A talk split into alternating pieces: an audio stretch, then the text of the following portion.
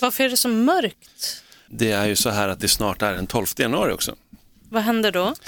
Då är det ju så att Jupiter och Saturnus är i eh, li- rak linje med varandra. Men det är en stor... Blir du lite... mm, Are you more in contact with your inner spirit when that happens? Men exakt. Kampsport vet du, det är flum-grej. Nej, sant. Sådär, har vi, är vi klara? Ska vi köra? Vi är klara, vi kör nu. Ja. Mackan! Bang! Det här är Fighterpodden. Ladies and gentlemen, I'm not surprised, motherfuckers. Touch gloves. Get ready for war. Uchimata! Ladies and gentlemen, the mauler, Alexander Gustafsson. Oh my God! Double leg. He just got double leg. I'm gonna show you how great I am. Alltså på riktigt. Tanken är att, att den som gör jobbet, ni ska inte göra det. Nej, men jag Vi vill, hjälper vi vill till. göra jobbet, vi vill Ja. göra jobbet, eller hur Vi Elin? hjälps Mm. åt.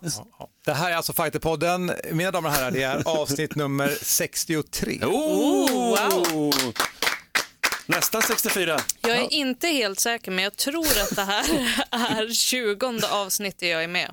Kan det vara så? Inte för att räkna, men. Ja, Är men jag räknade någon gång och då var det typ så här 17-18 och sen minns jag inte exakt när det var. så. Ja, Elin Blad heter du. Elin Ja. Blad. Ja. Det där är Simon Kölle. ja, det är inte Elin Blad. Nej, det är, jag heter Mårten Söderström. I den här podden pratar vi om eh, kampsport. Vi brukar börja med att stämma av hur läget är just nu. Simon? Oh, jag har en sån sinnessjukt god känsla för det här året. Jag verkligen så här, går runt och bubblade omkring mig på hela nyårsafton när jag var hemma och sjuk och hade det Var du skitjobbigt. sjuk? Alltså, jag tog äntligen ledigt. Jag skulle ta ledigt några veckor tänkte jag, eller så här, två veckor eller vad det blir.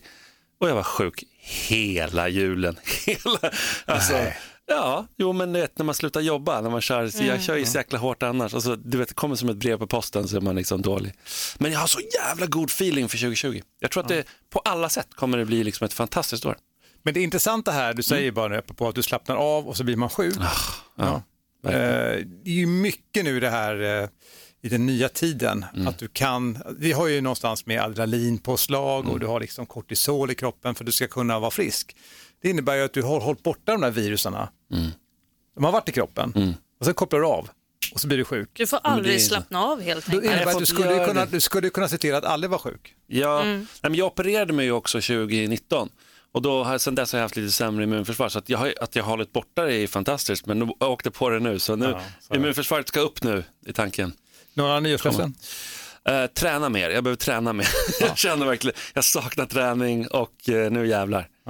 Elin? Jag har så svårt att förhålla mig till det här med nyårslöftena för det, det känns så...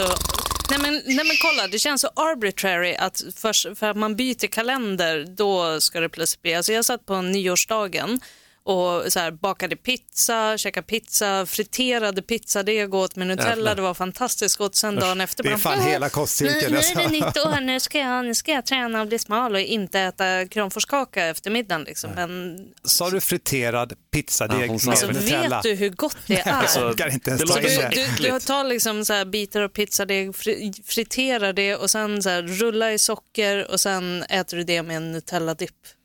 Jag har stulit det från Menomale, som Alltså, jag, en hade jag pizzarestaurang. bara sett det i verkligheten så hade jag gått upp fem kilo. Pack! Alltså det var så Alltså, gott. hade jag bara sett det hade jag gått upp i vikt. Fantastiskt. Åh fy fan, nej det, det ska jag inte äta. Men eh, nu, nu, jag, jag har egentligen samma som Simon, försöka komma igång med träningen Mm. mer. Jag har ju mest bara gjort rehab, men eh, nu har min sjukgymnast sagt till mig att jag måste börja ta i på riktigt. Skönt, det är skönt ju. Ja.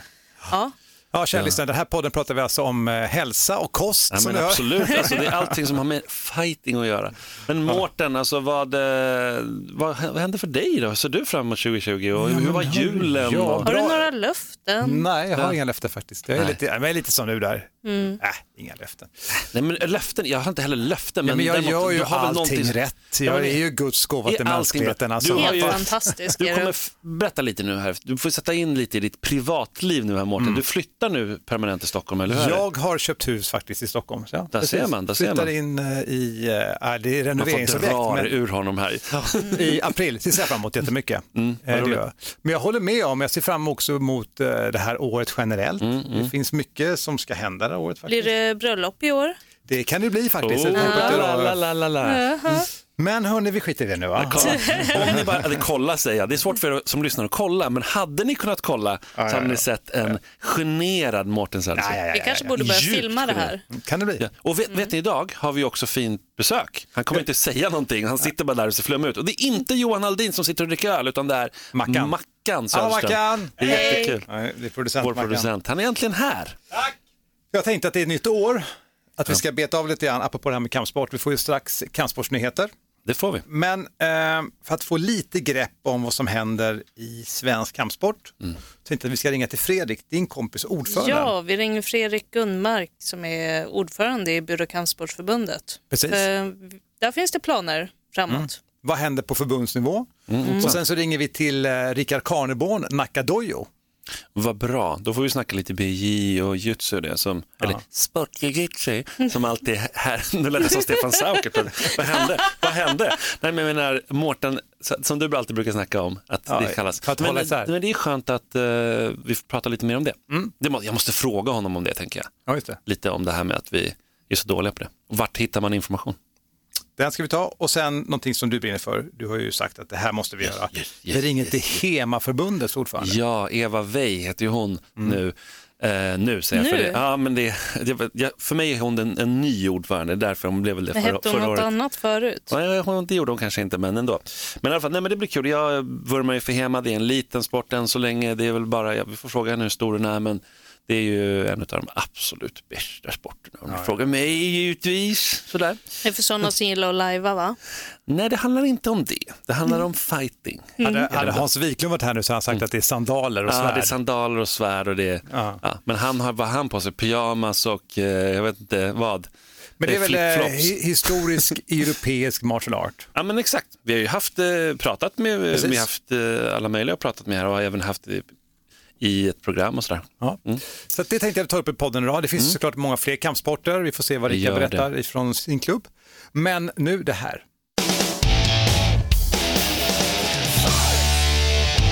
Då är det dags Simon, det är nytt decennium. Det är 2020 och det är de första kampsportsnyheterna för året. Ja, och vi har ju haft nyår förstås och då, det innebär alltid en massa nyårsgalor och sånt där omkring i världen.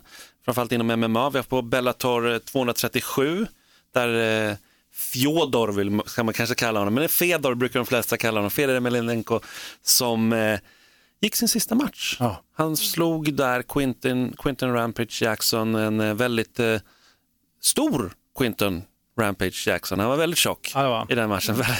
Men, Det är ju eh, gamla gubbar båda två nu. så är det ju, men eh, och det, jag, jag tyckte någonstans att det var ganska skönt, Fedor nu sa att men nu är det nog, nu lägger han nog ändå handskarna på hyllan. Vad är han hade för record? Han har ju hållit på hur länge som helst. Ja, han hade faktiskt 39-6 rekord. Så att det var ju ganska här, härligt rekord där. Och Quinton får vi se om han fortsätter. Man, han har ju sagt att det i så fall blir det i alla fall tungvikt för han gillar att käka nu och så här. Så att, Jag vet inte, det, det känns som att det är pengar där. På samma gala i alla fall så hade vi Michael Venom Page som jag tycker är väldigt spännande. För honom borde man verkligen ha i UFC. Det vore så kul för, kul för välterviktklassen. Dynamisk striker på alla sätt och vis. 17-1, han vann sin match där och gick till 17-1. Ehm, nej, vad häftig han är. Han är ju lite så här showboating, så han är lite, vissa gillar ju inte honom och så. Men apropå Israel Adesanya, jag menar, nu är de tyvärr olika viktklasser, men om, Michael skulle kunna gå upp en viktklass och möta, ah, det vore liksom en fantastisk match. De är lika häftiga strikers ungefär på den nivån. Och vi har också haft Rising, också japansk gala, Rising 20, som eh, höll en, de har ju alltid så här spektakulära, jättelika galor. De är fantastiska de galna. Ja. De galna. Det är det här nästan serietidnings superhjälte Ja, ja, på allting. Häftigt. Och sen har de hon Manga. crazy pride lady som alltid pratar, skrek i pride liksom som, de har med henne, hon sk- skriker ut och det är, och det är enormt, alltså det är 50-60 000 pers i publiken. Det är liksom, Hon måste vara rätt gammal vid det här laget va? Ja, hon är... Ja, exakt. Om, om hon vill pensionera... om, hon, Ja, det är fantastiskt. Hon hon är galen. Åh, om hon någon gång vill pensionera sig så ska jag skicka era namn till, Ja, till ja. Japan. Bara, När Här, som helst. Eller hur? mår Martin! Ja, hon är, verk- hon är underbar. Men där hade vi bland annat eh, Jiri Prochaka som eh, återigen vann på avslut. En, en knock med en vänsterkrok som var grym verkligen. Han slog CB Dolloway som eh, ni kanske kommer ihåg från UFC, han var ju där väldigt länge. Och jag menar, han är nu, alltså han har vunnit många matcher nu idag. Alltså han har vunnit tio raka segrar, han har tio raka segrar och förlorat en av sina senaste 21 matcher och den matchen som han förlorade, den har han liksom revanscherat. Så Jiri, han är ju grym, han har bältet där i, vad om det är lätta tungvikten, precis. Så att det är ju mm, en fantastisk fight. Han har slagit Karl Albrektsson bland annat tidigare och sådär. Men honom skulle man, alltså, jag vill ju alltid när jag ser på de här Ryzen och de där, jag vill ju, jag vill ju se dem typ i UFC. Bara för att det är där ändå de bästa är. Eh, och så en och annan då på andra ställen förstås. Hur känner du Mårten? Ja, men jag tänker på det du säger. Vi säger ganska ofta det, man vill se med UFC. Vi betraktar UFC som den högsta Ja, ligan. det, är, ju- det är NHL Så- så är liksom. Samtidigt när jag tittar alltså, på Bellator-matcher och i Mm. Ryzen så, så är det ju fighters som jag tänker så här, de här är lika bra. Absolut, men Ryan Bader som har bälte liksom. Som de bästa i UFC, det är bara att de är inte där. Så Nej. så det, det är det som är lite komplicerat tycker Det jag. blir lite komplicerat och det är synd och man vill ju absolut inte ha det där som finns i boxning. Well, well, Nej, jag, jag, jag hoppas att den här som jag snackat om förut, det är Ali Act. Mm. Ja. Att de bara tvingade fighters. Det verkar ju kört, det verkar jag vet, kört, det är men kört, det- men det har varit kul att det man hade varit kul liksom. Fyra bälten i alla fall stod på spel där och det, det är ju alltid spektakulära galen om ni har chans att se dem, kolla på dem. Får jag bara säga det tråkiga tycker jag bara är, jag måste bara säga det, det är ju att om du har ett tungviktsbälte, en viktig viktklass, och så säger man för att man är nu UFC-mästare, då säger de ju att jag är bäst i världen den här viktklassen. Så finns det en jädra massa fighters i massa organisationer runt omkring i världen i samma viktklass som också har bälten. Och de säger då att de är bästa i den organisationen. De säger inte världsmästare, men det är ju inte så att du är världsmästare för att du har bältet i UFC. Det är bara att de har tagit en position. Det är bara en vedertagen. Det är bara din tidsfråga ska jag säga också, bara innan det här blir alltså, mer pengar och mer spektakulärt, spektakulärt liksom. Hur länge kommer Bellator acceptera att deras fighters inte har VM-status? Om det nu är Nej, någonting? fast de säger också liksom världsmästare, Ja. de säger det och det, då är det, och det var det det flera. här vi inte skulle hamna Nej, det i. det- nej, det det är den här det boxningens helvete. Men det är liksom privata företag så att menar, det, det där hamnar. Så du det. säger förstatligad MMA? Kanske det. Eller? Vem fan I sa det nu? Nej, det var Elin Blad på förbundet som sa det. Nej, det var Simon Kölle som det. privatperson. Nej, men det var, det, det var de orden jag la i din mun. Ja, det, la- det gjorde du. Jos- Josefin Lindgren Knutsson, som är en fantastisk stående fighter eller striker då. Hon eh, gick eh, först semifinal på K1 eh, World Grand Prix i Jap- Japan. Är vi, kvar, vi kvar i Japan. Och sen samma kväll då så gick hon också finalen och där mötte hon Kano igen, som hon slog 2018. Och hon blev totalt rånad där. Det var riktigt, riktigt tråkigt. Är det de- hon förlorade på delat domslut och typ en, en hel värld förutom de japanska liksom, dom- domarna där i Japan tyckte jag att hon vann. Så det har varit mycket ramaskri och det är liksom kört, det går inte direkt att... Det, det är ganska ofta som det blir så där också, att, att du, alltså de favoriserar Kano är så stor i Japan så att och så hade hon redan förlorat där, hon är sån superstjärna. Alltså, ibland är det nästan svårt för oss att fatta hur enorm man kan bli. Big in Japan brukar man ju säga, men det är verkligen helt galet. Hon tävlar ju för All-Star. Jag såg eh, Andreas Michaels inlägg. Alltså, han var ju helt bedrövad. Var Majdi, var jättesur också. på, på Facebook där det stod det. Att liksom, det stod att jag har blivit rånad. Så tänkte jag shit, han har blivit rånad. Och så, och så, här, och så var det en lång förklaring av vad som hade hänt. Att, äh, liksom, och han hade kollat upp då. Alltså, hon, hade ju, hon hade ju mest strikes och hon var ju dominant. Alltså, allt det här som krävs. Att Jag är alltid vinna. lite försiktig i sådana lägen. Jag vill alltid se matcherna först. För framförallt när det är då liksom ens manager, tränare och allting som säger det, så vill jag titta på den. När jag tittade på den, då var det så här, det är ganska entydigt. Det var, det, det, men sen måste man alltid förstå också vad det är, vad är det för regelverk och Ja, så där. Så det är väldigt lätt för folk att säga att så, här, ja, men det, det stämmer inte, men, men det, det var, ja, Tråkigt. utan att vara en expert på K1s regelverk så tycker jag ändå att det, det, det såg märkligt ut och det är tråkigt. PF, PFL, eh, som vi brukar prata om, där hade vi, vi slutade ju lite grann prata om när Sadibu åkte ut tyvärr. Tyvärr. Men killen som han åkte ut mot, Ray Cooper III, och det var ju så här märklig grej för att Ray Cooper eh, och han gick en oavgjord match och så var de tvungna att välja en och så valde de Ray Cooper. Han vann hela skiten nu där. jag såg hans match. Du gjorde det? En miljon dollar. Det var ju, och den kvällen var det inte fyra, eller fem sådana. Fem eller sex till och med. Ja. Eh, där var och en får en check. Alltså, vet du, det är mycket pengar. En miljon dollar. Ja, jag tror att de tillsammans eh, delar ut för de andra får ju också betalt. När Ja, ja. de kommer tvåa så, här, så är det 10 miljoner dollar eller något sånt där som det- har fått in i sponsorpengar varje år då. Och där har vi liksom, så att Men när man tänker ändå för Sadibos del att han, han gick en oavgjord match då mot honom och sen så...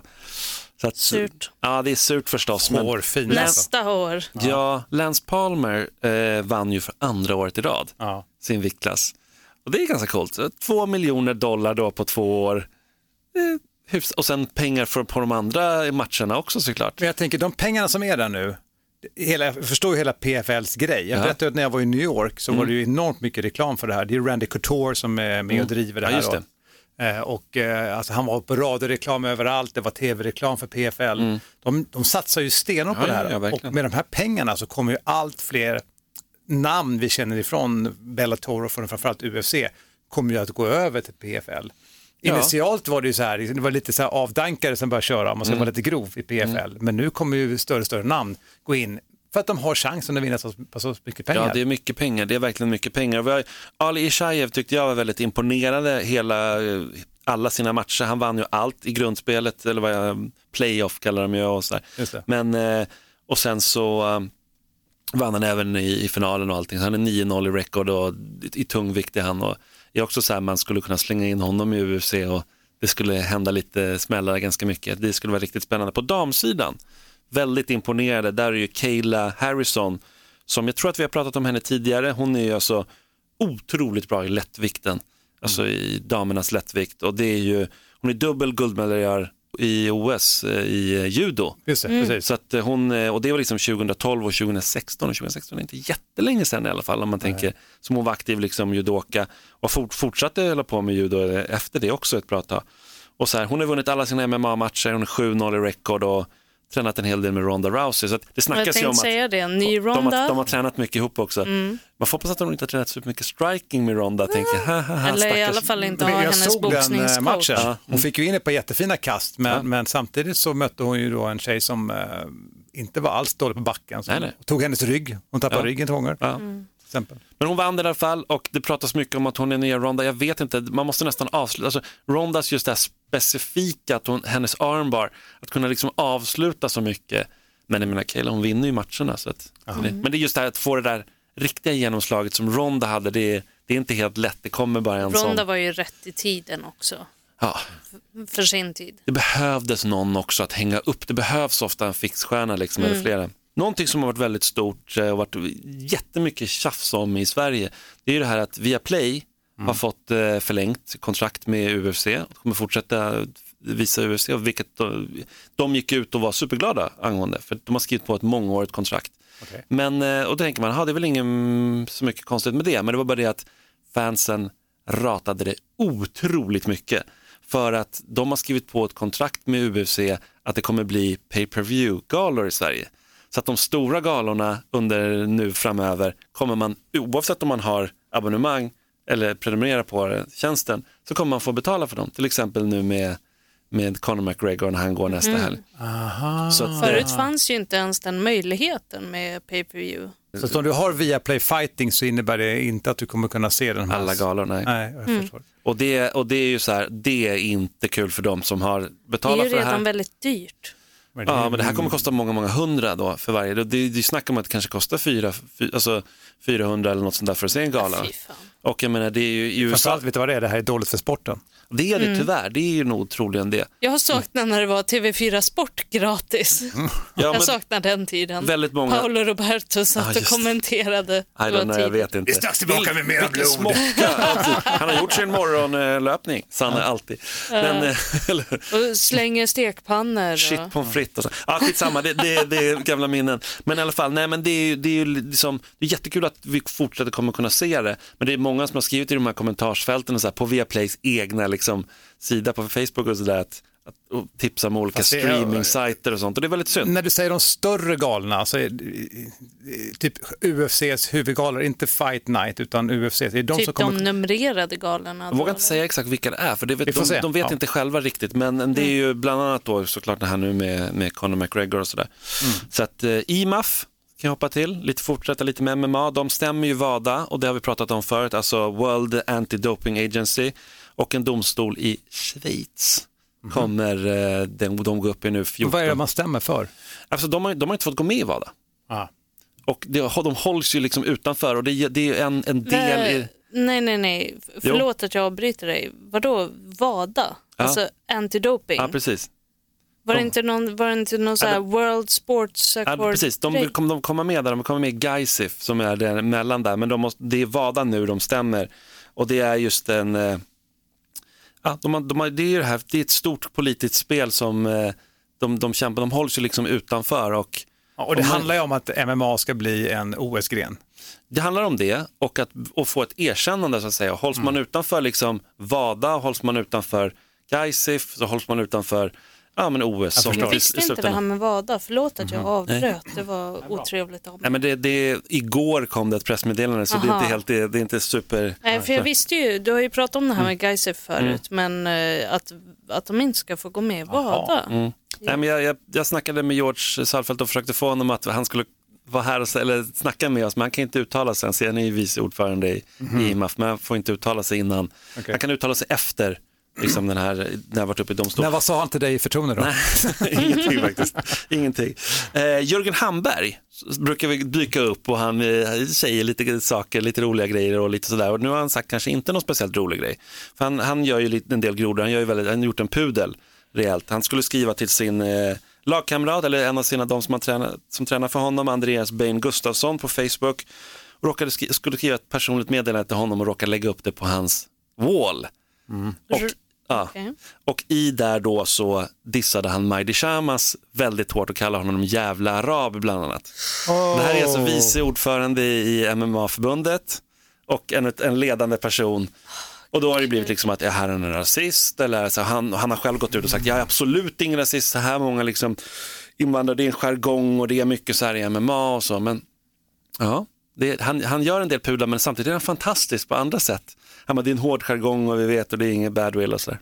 Men det är, det är uppenbarligen någonting man måste jobba på. Jag får ta in det här, jag måste ta in det här. Det där är svårt. Kan han vara kvar i den positionen?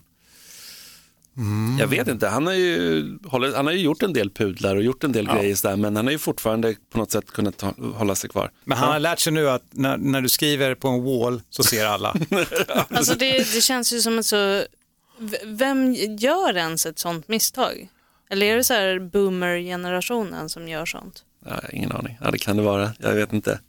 Eh, mycket snack annars sker om, är om Conor McGregor. Det är Ja. överallt. När man läser på alla kampsportsajter så handlar det bara om Conor McGregor. Hans återkomst. Nu ska han möta, som jag brukar säga av någon anledning, din favorit, men en av dina favoriter, Mårten. Donald Cowboy. Cowboy Cerrone. Ja, precis. Och det är ju... Ja, det är så hypat nu, det är hypat och frågan är, de är duktiga på att hypa det. Det är de ju. Det är de ju. Det är men de har det. gjort världens fulaste t-shirt till, till galan. Jag vet inte om ni har sett den, men den är otroligt ful. Reebok-t-shirten där, den är verkligen så här helt hemskt. Alla dissar den där t-shirten som är för en gala på Conor McGregor. Han ser Men liksom han ser väldigt trött ut gammal, den. och, gammal och trött liksom. Ja, lite så här som en dålig Karl-Alfred. Ja, på samma gala där, UC 246 då nästa lördag, då får vi också se Holly Holm. Och jag menar, hon har haft det tufft, alltså hon möter Raquel Pennington där. Hon har ju alltså, fem av sina senaste sju matcher har hon förlorat de senaste fem åren. Innan det så vann hon ju allt. Jag menar, hon- jag menar, hon var ju, hon har totalt 12-5 i rekord. Och jag menar, om man tänker när hon kom in i UFC och allting och efter ett tag slog Ronda Rousey och var 10-0 i rekord och allting. Ja. Hon var ju en riktig fixstjärna ett Ja, tag. 10-0, nu är hon 12-5. Så det här är ju verkligen så här, hon, hon måste ju verkligen komma tillbaka för att det ska hända någonting. Och det är, ja, det är förstås massa fler fighter där, men jag, jag kan stanna, vi kan wrappa upp det lite där. Bellator, de ska komma till Sverige, det har vi sagt tusen gånger. Och nu kommer de ju. Och nu kommer de komma. De har ju gått ut med det pressmeddelande och eh, det är det, 2020. Det snackas om sommaren, tid- tidig höst möjligen. Och så där. Vi har eh, One, som eh, också är MMA då för eh, One Fighting Championship, som eh, ska ha 50 galor under det här året. Det är sjukt. Det är bara att börja jobba alltså. 50 Ja, galor, det är alltså en gala i veckan, det är galet. det är helt galet faktiskt. Galet. Absolut. Avslutningsvis då, avslutningsvis då angående sådär, för det, det är väldigt mycket MMA, det som händer lite sådär under julhelgen och sådär. Eh, det är ju att Brave, eh, en Mellanösternorganisation som bland annat har eh, Khamzat, eh, Shemaev och Amir Albasi och lite sådär. De, eh, de snackar om att komma till Sverige. Eh, Också. också i år. Wow. Och göra det tillsammans med AK Fighting. Så att, eh, och då ska Hamzat eh, få gå sin eh, en chans om bältet. Det tanken. låter som att det kommer vara Fighterpodden på turné. Det låter Ja, så. eller hur? Men får jag fråga, alltså, när du säger det, eh, alltså, går det under namnet Brave eller går det under namnet AK Fighting? Ingen aning. Det, Nej. det är co-promotion i alla fall på något sätt. Jag, jag antar att det kommer, måste nästan gå som Brave då skulle jag tippa på, men att de är med och liksom, eller så kör de under kortet, jag vet, jag vet inte riktigt. Men det är ju det är flera som snackar som man ska kunna gå där. Guram Kutateladze till exempel som bara vinner och vinner och vinner nu. Han ska också med största sannolikhet gå om bältet i sin nästa match. Och han, det är en brasse som har det bältet och eh, Pereira, eh, Clayton Pereira och han eh, han är dock sugen på att eh, försvara sitt bälte i Brasilien, så det, den matchen kanske behöver gå i Brasilien. Amir Albasi eh, snackas det om att han då kommer hit och, och går match. Jättekul att se honom på svensk mark. Shamsat då förstås. Diego González tillhör också den organisationen. Han gick match här också under julhelgen, eh, eller strax innan nyår där och förlorade tyvärr sin fight där. Men han faktiskt var head, headlinern i den eh, galan, så han är stor i många länder. Eh, inte så största namnet vi har här tycker vi många kanske, men han är old, han har varit med, eller old, här med, alltså jag menar OG menade jag inte old på så sätt. Men eh, ja, nej, men det är, ju, det är ju förstås väldigt spännande om de skulle komma hit och sen Superior Challenge kommer såklart komma tillbaka nu någon gång under våren. Så att, eh, mycket MMA blir det. Vilket år! Ja. Nu ska vi ringa till eh, Fredrik Gundmark som är ordförande i Svenska bud och kampsportsförbundet. Vad roligt.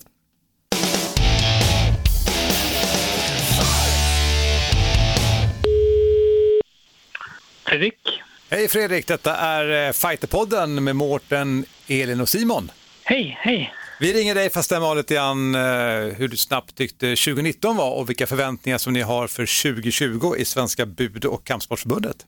Nej, men jag, jag tycker vi är inne i ett, i ett eh, spännande skede. Vi är ju en av de idrotter som växer inom, inom svensk idrott generellt. så. Eh, vi som förbund växer ju både vad gäller eh, föreningar och medlemmar eh, och även antalet idrotter de senaste åren. Då, så att, eh, det är spännande.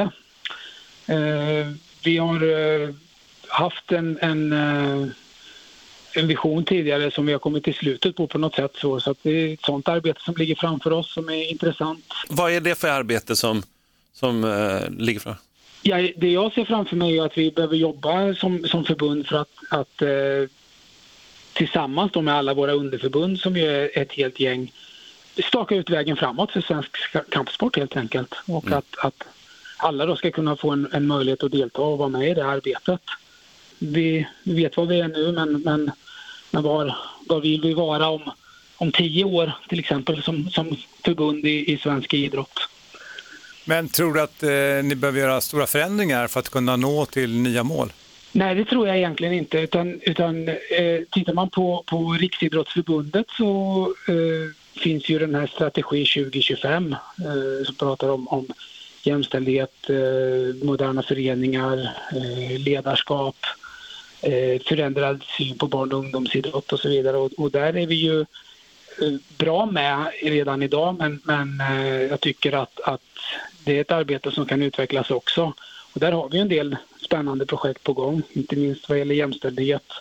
Vi har eh, hela motorikprojektet som går som, som ligger inom det här med, med barn och ungdomsidrott och, och synen på, på vad barn och ungdomsidrott kan vara. Och så där. Så att, ja, det, vad skulle du säga är, är den största utmaningen för, för förbundet nu den närmsta tiden? Det är nog att vi är, vi är ju så pass stora och det är många underförbund och varje underförbund i sig styr ju över sin idrott. Eh, och att då samla alla eh, till att, att ta en aktiv del i att, att jobba så med framtiden och, och att vi då ska kunna kunna samsas kring en, en målbild så att säga eller, eller i alla fall diskutera framtida målbilder så kring, kring förbundet. Det är nog en, en utmaning tror jag. Mm. Men också, också, också spännande. Jag har ju full tillförsikt så att säga för att, att alla underförbund vill eh, utvecklas, komma framåt, växa och så vidare. Och, och, och det är på något sätt så också då att, att det, det vill ju vi som förbund med. Finns det någonting Fredrik som du specifikt ser fram emot extra mycket nu under 2020? Eh, ja, eh, dels är det ju kul att, att eh, Kampsportsgalan kommer tillbaka till Berns. Det känns lite som att komma hem. Jag har ju varit där ganska många år. Så. Det har vi sagt Så också är- här i podden. Ja. Ja, jag förstår det. Det är något det- speciellt med Berns, alltså. man gillar Berns. Ja, men det, jag tyckte den växte när det gick från, från eh, där vi var innan då. Eh, Norra Bantorget. Mm. Ja, precis. Till, till Berns. Och sen så, så var det ju väl ett, ett, eh, ett bra försök förra året, men det blev ändå inte riktigt samma. Så att, nej, det, det, känns, det känns bra. Eh, det är också spännande med det här 60-40 på riktigt, där, där eh, jämställdhetsprojektet. Där vi har engagerat en, en projektledare som heter Sara Wigberg. Eh, som, som handlar om jämställdhet i, i, egentligen i alla våra led i, i förbundet. Vi tittar på, på de olika styrelserna, våra underförbundsstyrelser, eh, huvudstyrelsen, kommittéer och så vidare och ska jobba med de här jämställdhetsmålen som finns inom svensk idrott. Och inte bara utifrån huvudstyrelsen som RF tittar på utan, utan liksom genomsyra hela organisationen. Så, så det är väl några saker eh, som, jag, som jag ser fram emot. Det finns mycket att göra Fredrik. Ja, verkligen. Ja, och du, eh, sista frågan. Kommer The Mall att göra comeback tror du? Ja, det skulle vara spännande. Det måste jag nog säga att jag tycker. Jag tänker mig att, att det här är, är någonting, det här med kampsport, vet du, det är svårt att hålla sig borta ifrån. Eller hur? på så något är Kanske, kanske, även om det inte blir inom, inom MMA eller, eller UFC så, så eh, på något sätt kommer vi nog få se mer av honom. Det är jag helt övertygad om. Så är det. Så är det verkligen. Ja, men lycka till med eh, det här året Fredrik. Tack för att vi fick prata med Ja, dig. tack så mycket. Tack, ja, tack. Ha det bra. Hej då. Hej. hej. Detsamma. Hej då.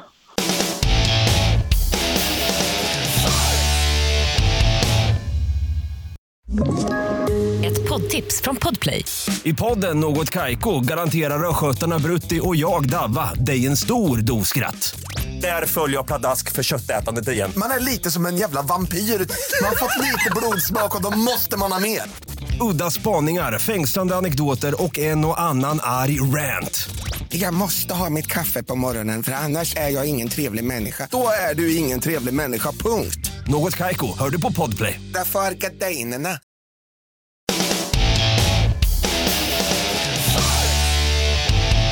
Fredrik Gunmark, ordförande Mm. i Svenska bud och kampsportsförbundet. Intressant, intressant. Det är lite politik det där, hör du, att vara ordförande. Ja, Fast inte så mycket Game of Thrones. Alltså jag sa, du vet, när- kommer ihåg Taekwondo-förbundet när vi hade dem? Det var bråk och det var tjafs och det var förskingringar. Och det, var, men här är det, det är ganska ordnat och städat och det kan vara ganska bra för ett sånt här stort förbund. Eller vad säger du? Ellen? Ja, jag tror också att det är vettigt. Och jag bara, förstår nej, också. jag vill ha förskingring.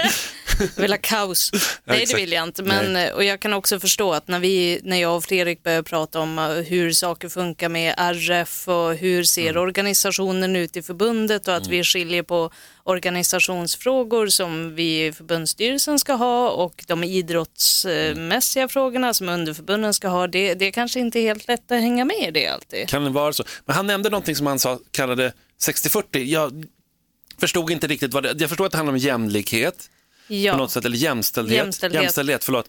Jämställdhet, men vad är det, Alltså- brukar man inte säga att det ska vara 50-50? Eller liksom jämställdhet Nej. är väl 50-50? Alltså det, Det ska vara ojämnt. Mm. Det, det som, ja, det ska vara ojämnt. Nej, eller men vadå? det, det, 60-40 är det här ojämnt. 60 60-40 eller så här, minst 40 procent av vardera könet, det är ju någonting som har, det, det röstades ju igenom av RF-stämman 2015, tror jag att det var, eller 2017 kan det ha varit. Då, Där det då togs ett beslut om att på alla nivåer i förbunden så ska, så ska styrelser och sånt vara minst 40 procent av vardera kön. Mm. Eh, det, det är kvotering helt enkelt och Mm. det kan man ju tycka är både bra eller dåligt. Eh, jag har lite blandade känslor inför det Mm. men eh, det är det som är bestämmelsen nu och då måste ju vi som förbund anpassa oss efter de Det bestämdes reglerna. på årsmötet, eller hur? Eller? Det här är på RF-stämman. så det här, så så det så här det är hela- hela. all och så här, vi kan förlora våra pengar om inte, och vår styrelse Mm. nu lever ju inte upp till det, för vi har för många tjejer i vår styrelse. Mhm. Så då ska vi alltså kvotera in någon kille och kvotera ut en tjej för att det ska bli rätt. Mhm. Jag tyckte det var intressant, du sa det här med att Karateförbundet inte är med. Mm. Eh, vad hade hänt om så är 20 000 personer, var det inte så? Ja, nästan. Alltså, Ja. Det är typ nästan hälften. Alltså, grejen är att jag kan ju säga det, jag skiter i Jag är ingen politiker, jag kan säga vad fan jag vill. Och jag känner så här, alltså Karateförbundet, de, ka på kaos, de kaosade sönder det här förbundet en gång i tiden. Det var ju så, det var ju det behövdes ju liksom någon, någonting nytt och de kickades ut och de startade sitt eget. Ja. Men det var ju verkligen, det var snack om Game of Thrones, det var mycket sånt och det var utröstningar och det var taktikröstningar och det var... Nej, men jag tänker hela den här grejen nu att man... Det var spännande. Att, till exempel det här vi pratat om förut, att få med MMA i OS och att det motarbetas. Man säger ju inte högt, men det är tydligt att det är taekwondo, det är judo som ganska tydligt ogillar att MMA ska bli en OS-gren. Men det tycker jag är intressant, att, att det där är det väldigt tydligt att, att du är dig själv närmast. För nu pratar han ju, Fredrik, väldigt mycket om totala helheten. Alltså att som, som, sport, som sporter så ska vi få maximal träffyta. Ja, men jag är ute efter det här visionära lite grann. Jag hade hoppats att han hade sagt lite mer om det. För jag förstår att det är visionärt inom liksom förbundet och vi ska ha mer jämställdhet för att RF har sagt det, vi ska ha mer motorik. Alltså alla de där grejerna är väldigt bra tycker jag. Jag tycker det är väldigt mycket som händer som är bra nu, det känns tryggt och stabilt. Men jag är mer så här, vad häftigt, vore det inte egentligen rent naturligt, hur starka skulle vi inte bli om alla jäkla kampsporter var bara tillhörde ett förbund? För då är det liksom så här, då kan man prata om att, ja men Kampsport-Sverige säger så här. Mm. Sen är det typ en utopi idag för det har varit så många egon och Ja, men det kaos. är Och... svårt, det är ju bara det att titta hur Precis det det var på senaste riksidrottsmötet som vi var på när, när folk började prata om att ja, men förbund borde kanske gå ihop med närliggande idrotter och många blir ju tokiga av det för de vill vara självbestämmande. Ja, och om du då har idrotter som faktiskt motarbetar till exempel att MMA ska bli en OS-gren. Det säger ju en del om att du inte tänker vi är kampsport och ju större kampsport blir så kommer vi alla vinna i den här stora sjön. Ja men så tänker man ju om man står lite grann utanför och Mm. tittar så här, men det är väl skitbra om det skulle vara så att Jonathan eh, på Kampsportsförbundet som är informationssnubbe där skulle kunna snacka om brottning och allt möjligt också, det var hur bra som helst, för det skulle ju lyfta brottningen. Mm. Men jag tror att Men jag ska- Grund- grund och botten, det handlar ja. också om pengar. Jo, men jag och det är alla, varit- de, alla de här som Ja. jobbar också på kanslierna och alla styrelser och allting. Det är så här, många av dem skulle försvinna då också. Det är så, här, så det är mycket sån här självbevarelsedrift. Men jag förstår att det är komplext. Alltså, jag kommer ju alla själv... organisationer Ja. har ju en, en självbevarelsedrift och försöker bibehålla Och jag, jag är mer sin inne på, egen makt. kan vi inte ha lite, lite self-destruct? Men det jag ville sagt om Det jag säga, det jag ville säga. bomba. ja, men jag kommer ju själv ifrån föreningsnivå, jag menar, vi delade ju lokaler på den tiden Mm, med, mm. med taido, taekwondo, Mm, alltså mm. karate och sådär. Och alla gick ju upp till kommunen och i stort sett snackade skit om varandra för att få mest Ja. tider. Mm. Ja, det är dumt. Alltså, Mm. det förstår du? Jag förstår att det är ganska komplext att på en förbundsnivå försöka ena alla, för att verkligheten där ute så, ju. Mm. så tycker karaten att de är bäst. Och Sen finns tycker... det jättestora problem när vi börjar prata om internationella förbund. Ja, Det är ju det det, är det. Det är alltså, det. Nu, nu, det blir lite sidetrack, men till exempel Svenska ridsportförbundet och Svenska islandshästförbundet, Mm. där är det ju en jättestor konflikt för islandshästförbundet får inte vara med i sitt får inte vara med i Svenska ridsportförbundet för då, då får inte de vara med i det internationella ridsportförbundet men eftersom Svenska islandshästförbundet är med i sitt internationella förbund så kan inte de, alltså det blir Jag fattar. jättemycket. Nej, men det, det är klart det är mycket sånt Fan, där. det här är som jag har så svårt för det här. Det är det som Politik. gör att jag, jag har som sagt också varit ordförande och är fortfarande ordförande i förening. Jag tycker att det här är den dåliga sidan av idrott. Jo, men det, är, alltså, det är så jäkla Starkt mycket. uttalande. Ja, men det, det, Oj, oj. Ja, men det är så oerhört mycket som är bra. Alltså med vår föreningsverksamhet i Sverige. Det är ju otroligt, alltså vi är så strukturerade och allt så det är Mm. fantastiskt. Men jag håller med dig lite att det, det, det är mycket backstabbing och sånt. Och när det funkar så är det fantastiskt. Men annars, åh, det finns många, jag menar det är även i, i Bud och kampsportsförbundet så vet jag, jag har pratat med så otroligt många under alla år som tycker så här, "Nå, men förbundet, va, vilka idéer, jag vet inte vad de gör och jag vet inte hit jag vet inte dit. Det är väldigt lätt att sitta på kammaren och Jag tycka att det. vi Ja. borde, de gör ingenting. En jättestor klubb vet jag sa till mig en gång att, eh, ska inte nämna någon namn då, men att eh, de har aldrig varit här nere hos oss. Vi har hållit på liksom hur länge som helst. Ja, det är sant, men, men det, det är inte riktigt så ett förbund funkar. Alltså förstår du, det är mycket så här, Mm. det är så mycket, så att verkligheten är väl tråkig då, men jag vet inte. Men det, föreningarna är ju det som utgör förbundet. Ja, så är det, det, ju. det, de är medlemmarna. Men, men kan du förstå det, för du, du, du sitter ju på en position Elin då du fattar allt det där, du sitter ju liksom och ser allting. Mm. Men om man då inte sitter och ser allting och är lite liksom inte fattar och förstår, Nej, men Eh. jag tror att många, jag tror att väldigt många What's in it är for in- us, som de, många säger. många är nog inte intresserade av att eh, det, det är nog lite gammalt det här med det här i föreningslivet. Alltså Ja. det, det är mycket så här gamla Sverige, eller om Ja, vi ska ja, ja. börja prata på det viset. att många... Ända sedan Per Albin Hansson. Nej, men folk har blivit, de vill vara konsumenter. De, vill gå, de kanske vill gå till Sats eller de vill köpa ett medlemskap på Bruce och gå till alla klubbar och bryr sig inte om att, jaha, men årsmöte och medlems, bry, bryr sig inte om det så mycket. Nej. Och det, och det, jag tror att det finns lite överallt. Jag tänker på förening, ska vi inte ta och ringa till eh, Rickard Karneborn då på Nackadojo och se hur de har det nu kommande år? Absolut, det tycker jag är intressant. Stor Let's. förening.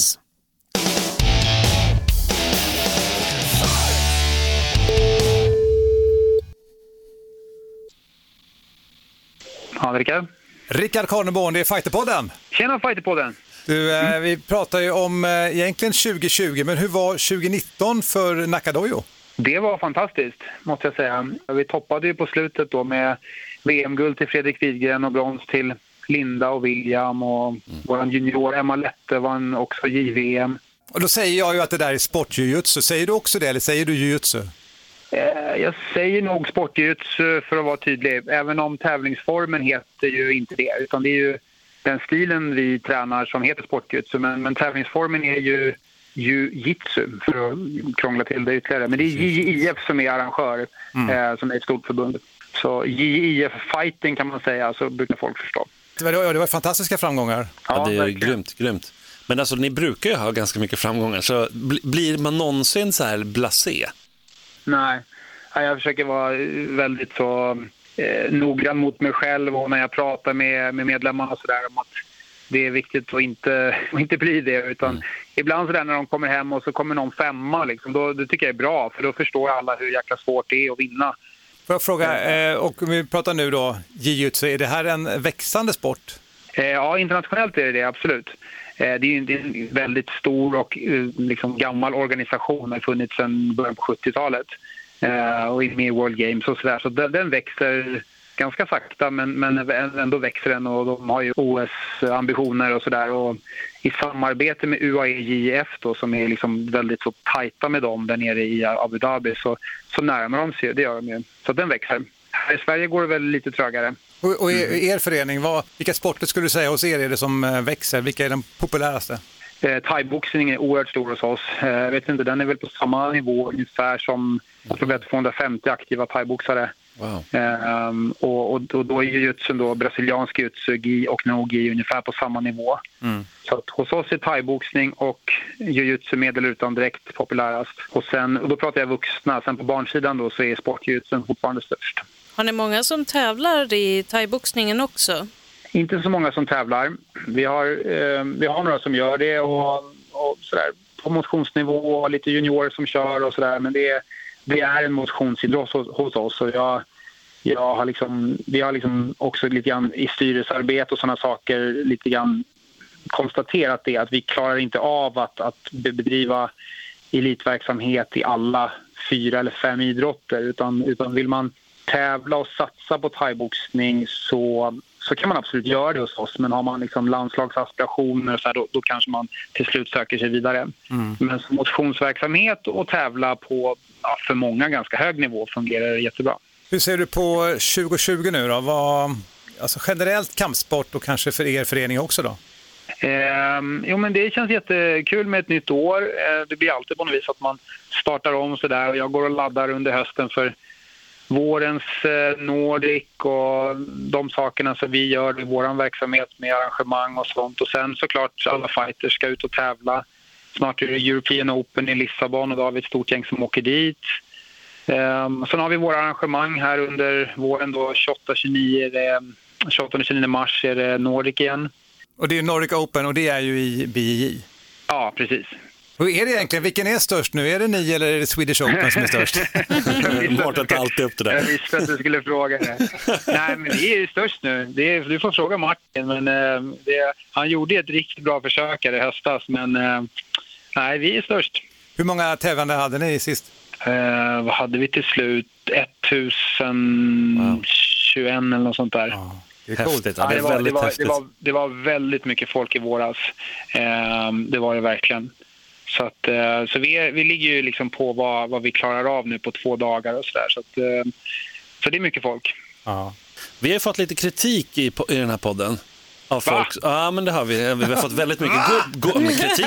Kritik kan vara god kritik också. Ja, Eh, men, men, men vi har fått mycket gott såklart. Men också lite så här att vi borde bli bättre på BI. Och inte kanske att träna BI, men att eh, snacka om det. Men jag tycker att det är jäkligt svårt. Alltså, det är så jävla snårigt. Det är så här 18 Okej. miljoner bälten. Alltså, och tänk dig nu då den som sitter på läktaren, det vill säga jag, tycker att det är snårigt. Jag förstår att när man är i det så är det bara, ja men där är den bästa blåbältan och så vidare. Och så vidare. Men, men kan du bara, för alla lek Lite redaktionellt material och ja, sådana saker. det saknas. Det saknas Mm. verkligen. Ja, ja, men internationell ljus går ju att följa då såklart via Mm. flowgrapping och, Ja, och, och sådana medier. Men i Sverige så där har du rätt i, det kanske är lite tomt där. Hoppas jag inte trampar någon på tårna nu som skriver jättemycket. Men, men det, det kanske är så att det inte finns så där jättemycket längre liksom just när det är redaktionellt material. Så att, Men är det någonting du så aktivt saknar? Att skulle det vara kul Jo, men det? Mm. jag kan vara lite avundsjuk på, på MMA ibland. Så, eh, alltså, som, som BI-utövare i grund och botten så, så är det klart att det är kul att läsa om, om, om våra fighters och sådär. Jag tycker förbundet är i och för sig, vårt Mm. Ja, förbund är duktiga ibland på, på att skriva sådär när, Mm. liksom på, när, det, är- när det händer grejer och sådär. Men eh, det skulle absolut behövas mer, helt Mm. klart.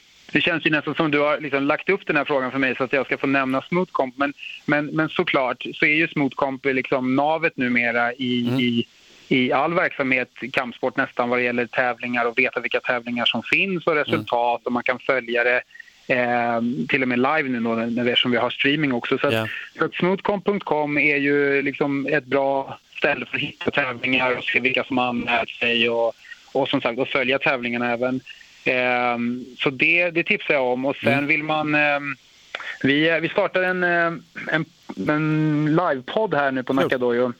Eh, videopodd där jag och Tony Silvernäs som är en eh, Europavärldsmästare här på klubben som gillar att snacka. Han och jag är programledare så vi kanske får ta upp det lite grann där. För vår tanke är att, att prata om, om, om vår verksamhet men även om, eh, om BJ eftersom det ligger oss varmt om hjärtat båda två. Liksom. Jag såg eh, senaste där, det hade med er Kit Dale.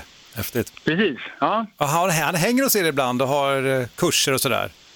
Precis, när han är i Sverige så, så har han valt att, att komma till oss och träna med oss och, och hänga mycket och sådär. Så, att, så att det är oerhört eh, privilegierat. Så vi hade ett seminarium här nu helgen med ja, över 80 stycken eh, deltagare från olika klubbar. Och sen så är han här liksom på dagarna och vi tränar och hänger och så. Så det, ja, vi har fått en jättebra kontakt. Gillar han Sverige? Han gillar Sverige, han tycker det är svinkallt bara och gnäller över det. Men, eh, Det är ju varmt nu ju. Kom ja, igen. ja, Väljer att komma mitt i vintern. Och... Ja, eller hur? Ja, precis. Jo, men han gillar, han var uppe och åkte skidor och sådär, Ah, så det gillar han ju. Men han gillar det liksom så här, men det är klart att det, de bor i, i Hollywood och han är från Australien från början så det är, som det är, det är kallt. Men, eh, men han gillar det verkligen. Men om vi tar kort bara nu 2020 som sagt. Eh, vad, vad ser du för utveckling om man tittar på svensk kampsport och utifrån det ni bedriver? Är det någonting du tror kommer öka, någonting du tror kommer minska, någonting som kommer liksom hända? Jag tycker att trenden är oerhört eh, god just nu. Det är så kul att se de som satsar nu på liksom fina lokaler och som verkligen går all in. Så där. Det är, jag blir glad varje gång jag ser att det öppnar upp ett nytt kampsportställe och så. Och det känns som att det bär på något vis. Man kan liksom bedriva en förening och, och ja, göra det för intresset är högt. Eller stort säger man kanske. Det är ju fortfarande faktiskt en förening. Alltså, ni har ju jättefina lokaler och som du säger, många i Sverige har ju öppnat upp lokaler och alltså, det är mycket mer professionellt om man uttrycker det på det sättet, eller hur? Mm, absolut, jo men det är det. Vi har liksom tiden i, i källarlokaler är förbi på något vis. Vi förtjänar bättre. Så att, eh, och det ser man ju med att Sats gör en, en, en, en kampsportsatsning och det, det, är liksom, det är hett. Det känns fortfarande hett. Jag, som sagt, jag har jobbat med det här i hela mitt vuxna liv liksom och, och det känns som att det bara det fortsätter bara växa. Det, det, det, finns ett, vi, vi märker det hos oss och jag ser det bland mina kollegor och bland andra klubbar, andra klubbar också. Att det är mycket folk som vill träna.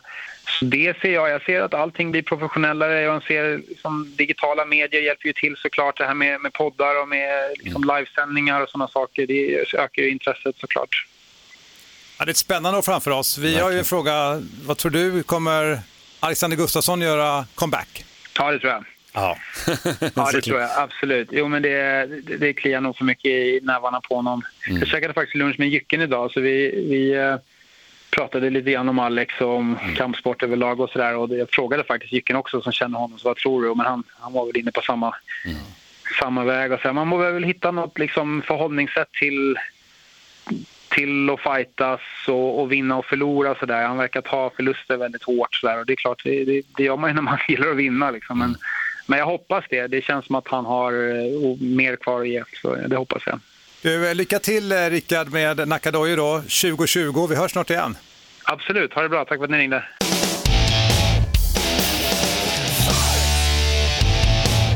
Jag får väl ge mig då på att, eh, att Nordic Open är större än eh, Swedish det Open. det? Han sa ju det, att Han eh, sa de hade det. ju fler. Hur många vann Hur många hade ni då? Nej, men vi hade ju typ 1030 eller vad det Ah, var. men han sa 19, han sa inte han 1019 eller 14? Nej, men, alltså ja. 1021 Ja, kommer jag ihåg. Jag, jag vet bara att jag reagerar på att han nu sa att de var större. Ja. Men Swedish Open i BJ, det är 15 året som det kommer i år. Wow. Så att, eh, vi har funnits längre.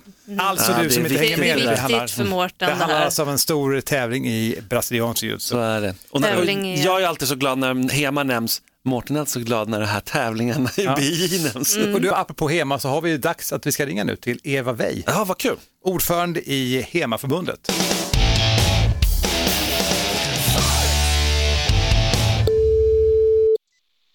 Hej, det är Eva. Hej Eva, detta är Fighterpodden med Elin, Mårten och Simon. Hej! Hej! Hej! Hej! Och du är ordförande i Hemaförbundet och nu är Simon jätteglad att det, vi äntligen jag, ringer det dig. saliveras liksom. Jag känner bara så här, Hema, I love it! Jag har kämpat, älskar Hema. Men eh, det är jättekul att ha dig eh, på telefon, Eva. Tack! Vad var de stora grejerna 2019 och hur ser det ut 2020 och hur stora är ni? Berätta lite om Hema. Hemma i år har väl varit, eller ja, förra året, 2019, har väl varit mycket snack och mycket verkstad kan man säga. Ja, bra. I förbundet så jobbar vi mycket med, vad ska man säga, det ganska tråkiga men också ganska viktiga pappersarbetet. Eh, vi jobbar med liksom tävlingstillstånd och stadgeändringar. Vi har ju precis gått med i SBK nu så vi har eh, ganska mycket som vi behöver liksom fixa för att vi ska vara i linje med det. Men eh, i praktiken, alltså rent praktiskt ute i klubbarna så händer det jättemycket grejer. Eh, det är mycket lokala utbyten. Jag vet att det finns eh, liksom sparringhelger både i Mälardalen och i Skåne och i Norrland där liksom många klubbar möts och gör sina lokala grejer. Eh, det är många fler klubbar nu- för tiden som arrangerar event. Eh, jag hoppas att det är lite för att vi har cash vi kan ge dem. Eh, men också... Aldrig fel. Mm. Ja, exakt, eller hur? Mer pengar ger mer event. Eh, men också att man blir liksom inspirerad och tänker det behöver inte vara absolut perfekt. Det räcker med att man samlar ihop lite polare och, och ut och slåss lite. För att, ja, vem gillar inte att ut och slåss liksom, med nya människor? Ut och slåss är Jag härligt. älskar det. För, du, Jag tänker att Aftonbladet kommer klippa ut precis det där. Och bara, dig, "Ah, Hemaförbundet i- Det är kul att slåss Det är lite. kul att slåss. men du Eva, hur många är det som eh, utövar Hema i Sverige? Alltså som är under er föreningsverksamhet? I förbundet så är vi ja, strax under 700 numera. Eh, Men vi har, ju, vi har ju blivit, vad är det, vi har ökat med en tredjedel klubbar på två år nu. Vi kan inte fördubbla oss varje år som vi gjorde där i början. Just det. Men, eh, det, åtta nya klubbar på två år är ändå ganska bra jobbat tycker jag. Får jag Absolut. fråga också, är, eftersom du är kvinna och ordförande, är det många kvinnor som utövar Hema? Nej, inte jättemånga, men vi är ett eh, väldigt engagerat gäng och eh, framförallt så har damfäktningen på de, senaste, de senaste åren som jag har varit med ökat väldigt mycket i kvalitet. Folk är riktigt, riktigt tekniskt duktiga. Eh, jag skulle säga egentligen, om jag vågar sticka ut hakan lite, eh, mycket duktigare än eh, liksom, vad ska man säga, i genomsnitt än många liksom, män i samma erfarenhetsklass. Om ni förstår vad jag menar. Ja, Mm, ja, precis. Ja. Ni, ni är få men talangfulla. Ja, eller jag vet inte om jag, jag är inte så mycket av en eh, tävlingsfäktare kanske man kan säga, men eh, det finns väldigt många kvinnor som kommer in och är väldigt, väldigt duktiga väldigt fort. Men någonting, du säger ju event och det vet Mm. jag lever kvar sedan gammalt. Många andra som jag pratar med de säger tävling. Liksom. Men Jajamän. oftast är ju ett event mer än bara tävling. Kan du berätta lite om ett, ett Hema-event? Absolut.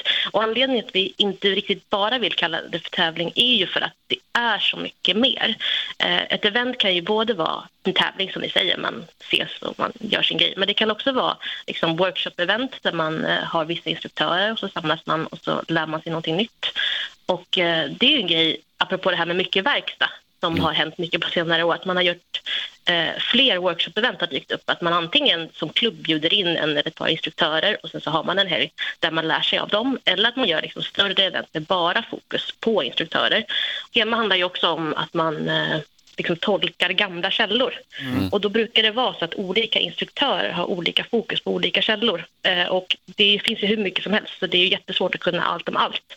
Så det man kan göra då är att man bjuder in instruktörer från liksom andra källor, eh, eller som liksom experter på andra källor. Och sen så försöker man liksom tillsammans eh, lära varandra någonting nytt helt enkelt. Får jag fråga där, för att jag i ett, i ett annat liv tränade jag Bujinkan för länge sedan. Mm. Där man då tränade så kallade scrollor som är de japanska skrifterna helt enkelt med tekniker Mm. som är från 1600-talet.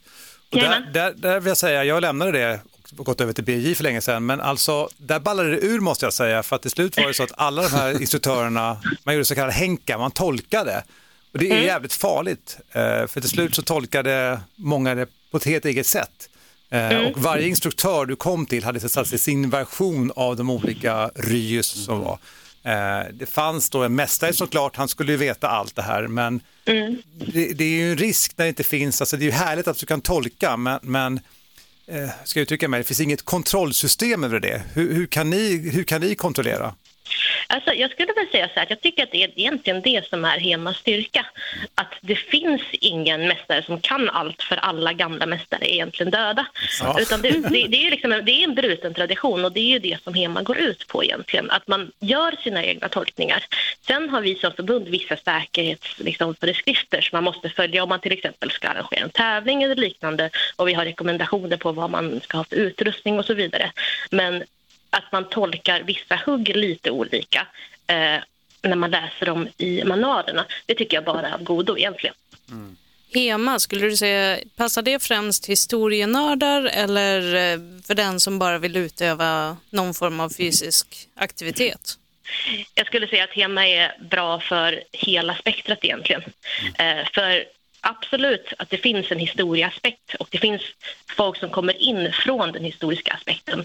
Men jag skulle säga att det finns en sportaspekt och en tävlingsaspekt som är väldigt intressant och eh, väldigt eh, alltså starkt framväxande just nu som eh, man absolut kan liksom premiera också.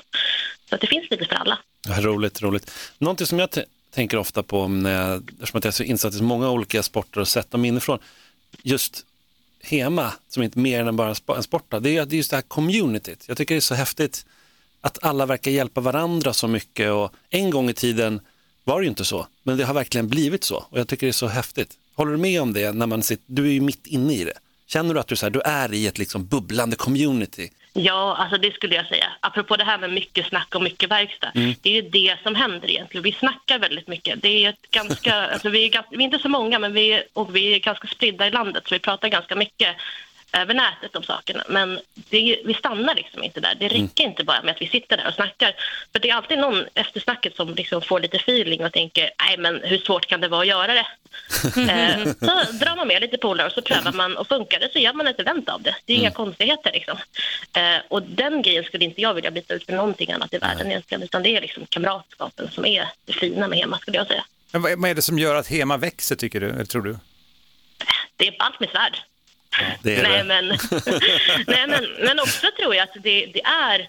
ehm, eh, dels så är det mycket av den, de här uh, liksom, fantasy-serierna tror jag som lockar folk. Eh, jag vet att man inspireras av Witcher och innan det så har man inspirerats av Game of Thrones så att det är många som tycker att det är ganska ballt. Ehm, Men, men också för att man, när man väl har liksom kommit in i det och insett vad det är för någonting, att man inser att ja, men det är en seriös sport. Det finns liksom Mm. tävlingar och det finns nationella mästerskap och det finns väldigt många som satsar väldigt liksom, seriöst på, på sporten också.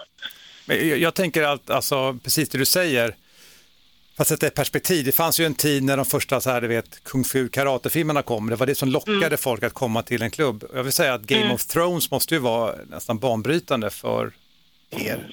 Absolut, och för en person som kommer från liksom, eh, Wushens tid, eller vad man ska säga, när karatfilmerna kom, så minns jag att folk kom för filmerna och så stannade man för gemenskapen man stannade, stannade liksom för, för utövandet. Och jag skulle säga att det är liksom samma process egentligen, fast med liksom andra grejer man kommer för.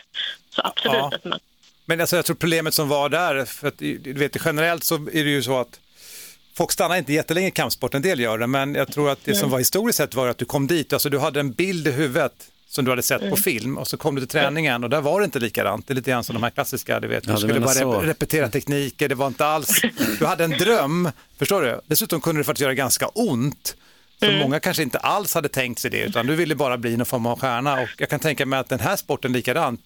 Det är ju kul att se på film att man slår med svärd, men jag har ju sett, ni dammar ju på, skydd- ni dammar ju på sig. ja, fast ni dammar ju på ganska bra alltså. Jo. Jajamän. Jo men så är det. Jajamän.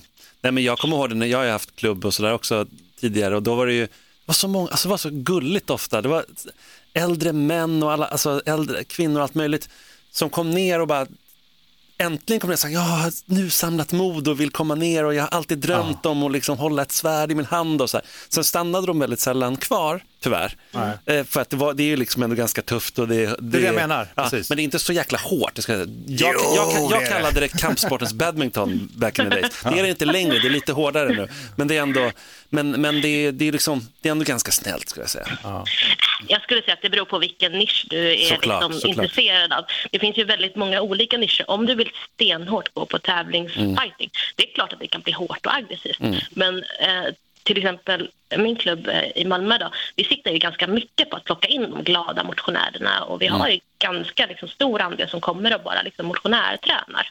Och, och att se de här människorna liksom, lysa upp första gången de håller ett svärd i handen, det är alltså helt oslagbart. Eller hur? Visst är det det? Det är så Jajamän. härligt. Otroligt härligt. Och de stannar ju, de har ju stannat i flera år nu och det är ju många som liksom inte har någon form av intresse för att tävla utan de har Roligt. hittat sin nisch för att liksom vardagsfäktas och det tycker de är en bra grej. Vad kul. Om man vill börja träna hemma, behöver man ha egen utrustning eller kan man låna på klubb? Ehm, de flesta klubbar har börjat bygga upp en lite liksom, eh, vad ska man säga, stash med grejer. Eh, och det man brukar säga, till en, till en början så lånar vi ut grejer. Men efter ett tag, så, eh, i och med att det är liksom, vi har inte jättemycket kanske, även om vi har lite grann, så, är det liksom, så brukar vi uppmuntra folk till att skaffa gear, framförallt för sparring och sådär. Mm. Vart köper man ett stort tvåhandssvärd liksom? Det finns en del smeder som man kan gå på. Eh, Dark web. Man... Nej. Jag vill ha drakar på mitt. Ja, det kan man nog lösa. Eh, jag vet att det finns eh, en tjej inom hemma som precis börjat med etsning som man absolut kan fråga om man får feeling. Eh, men, eh, ja, men det finns designerade smeder och så fort man kommer in i communityt och frågar så kommer du bli helt bombarderad av vad som är liksom bra och vad som är mindre bra kan man säga. Då. Och Sverige är också framgångsrika i HEMA tävlingsmässigt. Jajamän, jajamän. Eh, det har ju kommit eh, ganska mycket tävlingsfäktare från framförallt Östeuropa nu som är riktigt, riktigt duktiga. Men jag skulle säga att vi fortfarande håller ett ganska bra grepp. Eh, man brukar säga att det finns lite liksom olika vad ska man säga, grupperingar eller communities. Eh, det finns ju ett i liksom Nordamerika som har sin grej och sen har vi liksom eh, Nordeuropa som har en stil och Sydeuropa som har en annan och sen har vi liksom östeuropeerna som vi ganska nyligen har kommit eh, i kontakt med så att säga som är väldigt tävlingsfokuserade. Eh, men om jag får skryta lite igen då om oss så tycker jag att vi har den bästa giftermålet mellan liksom bra, snygg teknik och liksom effektiv fäktning kan man säga. Nice. Men, men även om det har funnits länge så är det ju egentligen nu som det har blivit liksom ganska populärt eh, och mer och mer hos gemene man. Jag tänker när MMA kom, kom liksom för 20 år sedan, tittar du på de matcherna som var då och tittar idag så har ju den utvecklats enormt. Även BJ ser ju helt annorlunda ut idag än för 10 år sedan. Hur tror du HEMA ser ut om 10 år? Jag hoppas att det utvecklas i samma liksom, tempo som det gör nu. För att det är ju det, är det som är liksom, det häftiga med att folk har olika tolkningar. Att man är inte rädd för att pröva. Man är inte rädd för att ta sin egen tolkning. Det kommer inte finnas någon mästare som kommer att liksom, slå dig på fingrarna. För att är det någonting som är effektivt och är det någonting som ser snyggt ut, då brukar det vara någonting som är bra också. Eh, sen så får det inte vara osäkert när man till exempel tävlar. Men det är sällan så att osäkra tekniker är särskilt snygga. Så det brukar jämna ut sig där i längden. Mm. Men är det, är det väldigt fokuserat på just, alltså, som namnet indikerar, just det europeiska? Eller, för du säger att det, att det ändå finns i Nordamerika. Är det europeiskt fokus där också? Eller är det, för jag, jag börjar ju tänka så här, okej, men finns det liksom en falang i Mellanöstern eller Centralasien som jobbar med lite annorlunda svärd, som har de här kurvade svärden? Alltså det skulle ju kunna bli väldigt spännande om det möts också. Ja, precis. Jag tror att Hema, om jag har förstått det rätt, eh, Simon, du har väl varit med längre än vad jag har, jag tänker att du kanske ska rätta mig om jag har fel då, att det började med att, att göra en distinktion mellan, liksom, vad ska man säga, österländsk eh, vapenrelaterad kampsport och liksom, västerländsk vapenrelaterad kampsport väldigt, väldigt grovt generaliserat. Så att man inte liksom tänker, när någon säger jag ska slåss med svärd, att man tänker katterna, utan att man tänker liksom, vad ska man säga, tyst 1500-tal till exempel. Då. Um, och att det, där, det därifrån namnet har kommit.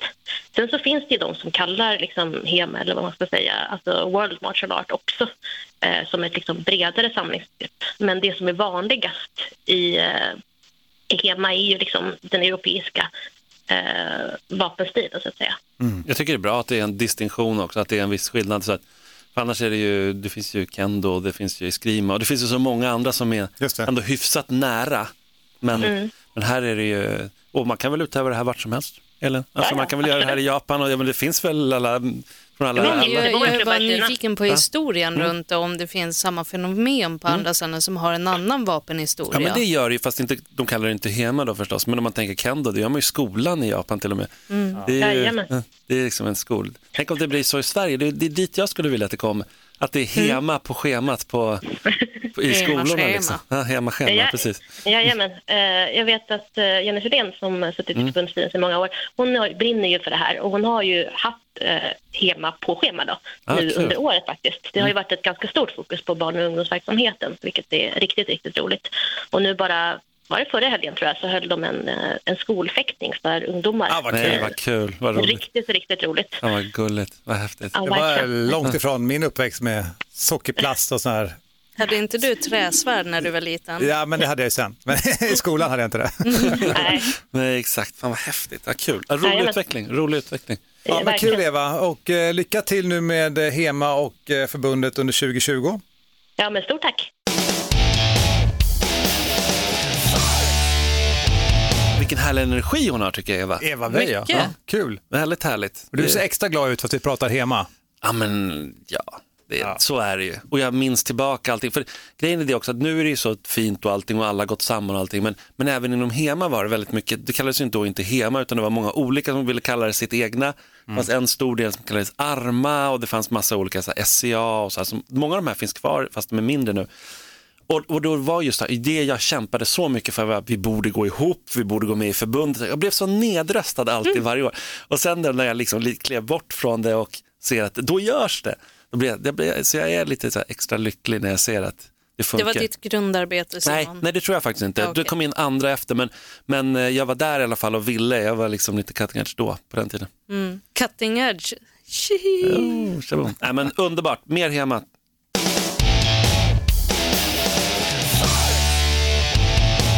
Hörrni, vilken podd det blev idag igen. verkligen, verkligen. Bra start på nyhetsdecenniet va? Vi pratade med Fredrik Gundmark eh, från Svenska Bur och kampsportsförbundet. Vi har pratat HEMA med Eva Wey, vi pratade med Rickard Karneborn från Nacka Dojo.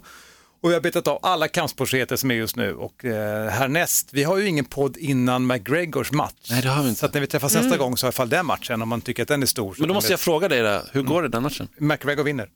Ja, Eller? ja, det tror jag också. Alltså, Cerrone är en gammal gubbe. Nej, det är bara för att jag tycker att eh, Cerrone är fantastisk, men han, vi sa det sist, han har inte hakan längre. Mm. Nej, han förlorade mot Justin Gaethje och... Ja, jag tror att han helt enkelt har fått för många smällar. Eh, kan men, jag, men jag önskar, jag önskar att Jag Cowboy hoppas ju vinner. att Cerrone vinner också. Så är det. Men eh, ska jag betta på det så säger jag att eh, McGregor, han är för hungrig nu. Ja, det tror jag nästan Du då, också. Simon? Ja, men jag tror också det. Och eh, även om det, det har kommit ut lite så här snack att han styr ju sitt camp nu, till och med hans tränare säger ju det att det är bara McGregor, alltså vi gör som han säger. Hans, hans egen tränare, han lägger upp träningen själv och idag vill jag göra så här och nästa vecka ska jag säga men, eh, och, och då säger de att men han kan ju 50 gånger mer fighting än vad vi kan. Och det, det, det ansåg då vissa är ett dåligt tecken. Det där är Ja, en, red, en red flag så att säga. Och det kan det ibland vara va, när en fighter är större än sitt eget, sin egen klubb och ska diktera. Men jag tror att han är för bra. Det- Ja, eller så blir det en sån här Nate Diaz-match där han är superkaxig och överlägsen och till slut så orkar han inte. Vi får se. Jag vet inte. Nej. Får jag säga att om du som Ja. lyssnar vill höra av dig till oss så är det fighterpodden at fightermag.se. Fighterpodden at fightermag.se. Vad ska vi prata om? Vad ska vi ta upp för någonting? Vad tycker du? Hör gärna av Följ dig. oss på Instagram. Följ oss på Instagram. Ja, och Fighterpodden. recensera, om ni har goda recensioner. Skriv snälla saker. Ja, men gå gärna in på iTunes och ge oss betyg och skriv Absolut, kommentarer och där. Hjälper podcaster och liksom allt möjligt. Ja. Så är det. Kör. Hörni, ska vi ta och runda upp då? Ja. Kanske vi ska. Elin Blad, Simon Kölle, Mårten Söderström, vi säger... Uss! Fighterpodden produceras av Suba Media för Radio Play. Ett poddtips från Podplay. I podden Något Kaiko garanterar östgötarna Brutti och jag, Davva, dig en stor dos skratt. Där följer jag pladask för köttätandet igen. Man är lite som en jävla vampyr. Man har fått lite blodsmak och då måste man ha mer. Udda spaningar, fängslande anekdoter och en och annan arg rant. Jag måste ha mitt kaffe på morgonen för annars är jag ingen trevlig människa. Då är du ingen trevlig människa, punkt. Något Kaiko, hör du på Podplay. Därför arkadeinerna.